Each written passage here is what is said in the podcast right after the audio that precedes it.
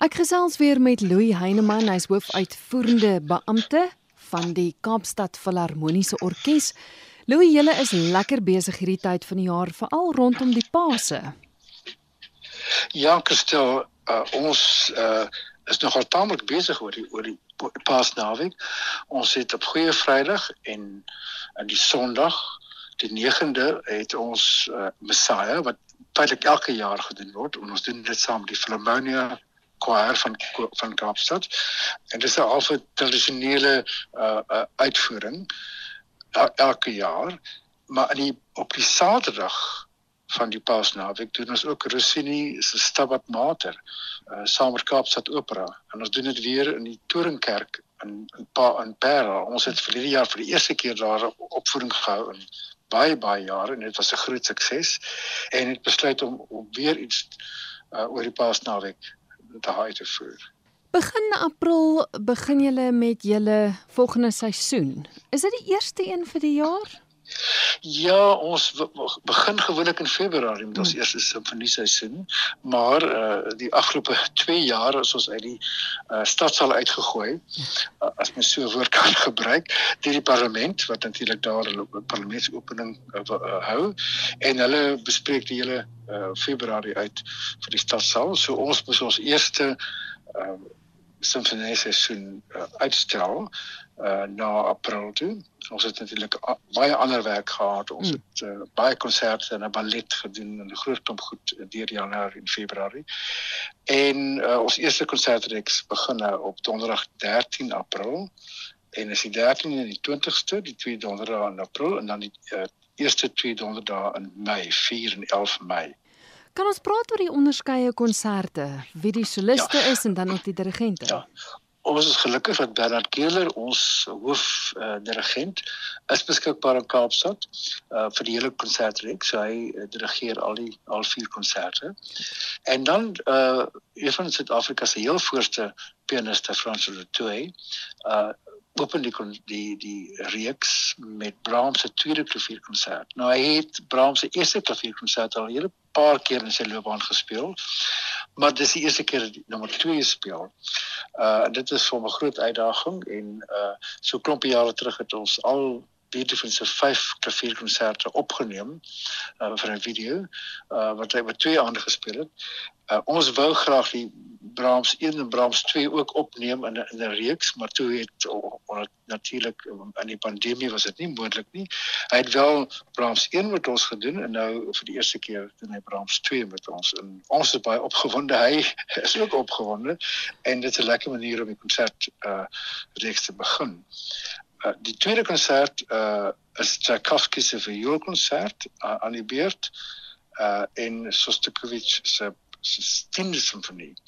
Nou uh die cellist in die vioolkonsert is uh, Christina Brabetz sy is 'n voorste jong Duitse violis, maar sy is in Namibië gebore en sy het in Suid-Afrika haar eerste onderwyser was uh, Jack de Wet. Uh, sy het ongelooflike opgang gemaak en sy het 'n tydjie terug uh, so 'n paar jaar terug voor die pandemie het sy by ons gespeel as solis en ek het al ek het al beloof ek wil graag Tchaikovsky hoor en toe val die pandemie uh uh skuif haar planne uit. En nou uiteindelik kry ons al terug vir die Tchaikovsky vir jou konsert. Dan in op die die, die derde konsert is op 4 Mei. En dis Veriko Chumberitse sy uh, kom speel die Dvorak vir jou konsert wat min gehoor word maar baie interessante en groot werk is. En saam met dit is Brahms se derde simfonie. En dan op die 11de uh, kom Vitali Pisarenko dit is 'n pianis uit Oekraïne wat in Londen woon en hy kom Liszt se tweede klavierkonsert speel en dit word gekombineer met enigma variasies Hoe laat begin die konserte in die aand? Want soos ek verstaan het julle het julle vooraf gesprekke ook, né? Ja, ons het ons het gewoonlik 'n 'n klein gesprek met met 'n kenner wat bietjie praat en daar's altyd mense wat opdaag uh so 3 kwartier voor die konsert uh, om te kom luister na die na die bespreking oor 'n werk. En dit is soveel maak soveel sin as uh mense kan seker gaan oplees oor 'n konsert maar om om om deel van so 'n gesprek te wees vooraf as alles vars in jou geheue dan gaan luister jy. En ons het 'n klein opname gemaak en gevoel nou na die pandemie mense wil 'n bietjie die konserte bietjie vroeër begin. So al ons konserte gaan voortaan uh, om 08:30 namiddag begin. Uh ek dink ons het seker 100 jaar lank 8 uur begin, maar ek dink dinge verander 'n bietjie en ons pas aan by die tye. So ons begin nou 'n halfuur vroeër saans. So dis dan 7:30, maar kwart voor 7 is die is die pre-gesprek dan en dis dis dis met ja. al vier konserte, né? Al vier konserte, ja. Goed mense wat nie noodwendig die aand kan bywoon nie. Julle het die kleuterrepetisies, dis ook oop vir gehore, né? Ja, ons kleuterrepetisies is altyd op die 11:00 die oggend van die die dag van die konsert. Ook in die stadsaal. Ouer mense voel al wil nie in die aande bestuur nie en uh daar's 'n geleentheid om dan die hele konsert te hoor in dieselfde selfs in dieselfde volgorde en um, hoogs waarskynlik teen dieselfde gehate teen 'n klein fraksie van die prys en uh, die vriende van die orkes in Kaapstad hulle hanteer dit vir ons en jy jy kan aanlyn by Quicket bespreek en uit 11:00 vir die oggend van die konsert kan jy die hele konsert kom bywoon. Ons ons kry goeie gehoor en daar's dikwels tot 'n paar honderd mense by so 'n uh, voorvertoning.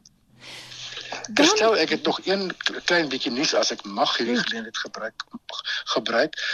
Ons het uh, onlangs verneem dat die Placido Domingo World Opera Competition, die die grootste opera kompetisie in die wêreld, kom Kaap toe. Mm. En ons gaan die groot gala konsert ons gaan binnekort dit aankondig.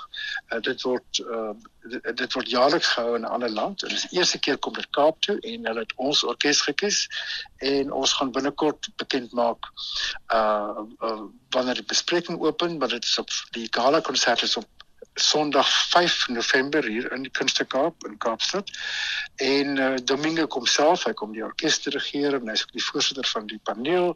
So dis 'n groot opwindende gebeurtenis vir Kaapstad. Waarskynlik die grootste uh, musiekgebeurtenis in in in dekades ooit in Kaapstad. Ja, dis regtig wonderlike nuus.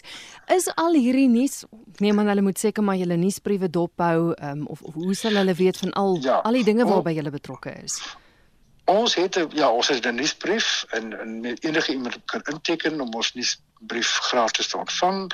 Uh deur net na ons na die ons webwerf te gaan. Uh dit is www.cpo vir Cape Philharmonic Orchestra cpo.org.za en uh, dan sal hulle uh, op die hoogte bly met met al ons alles nuus.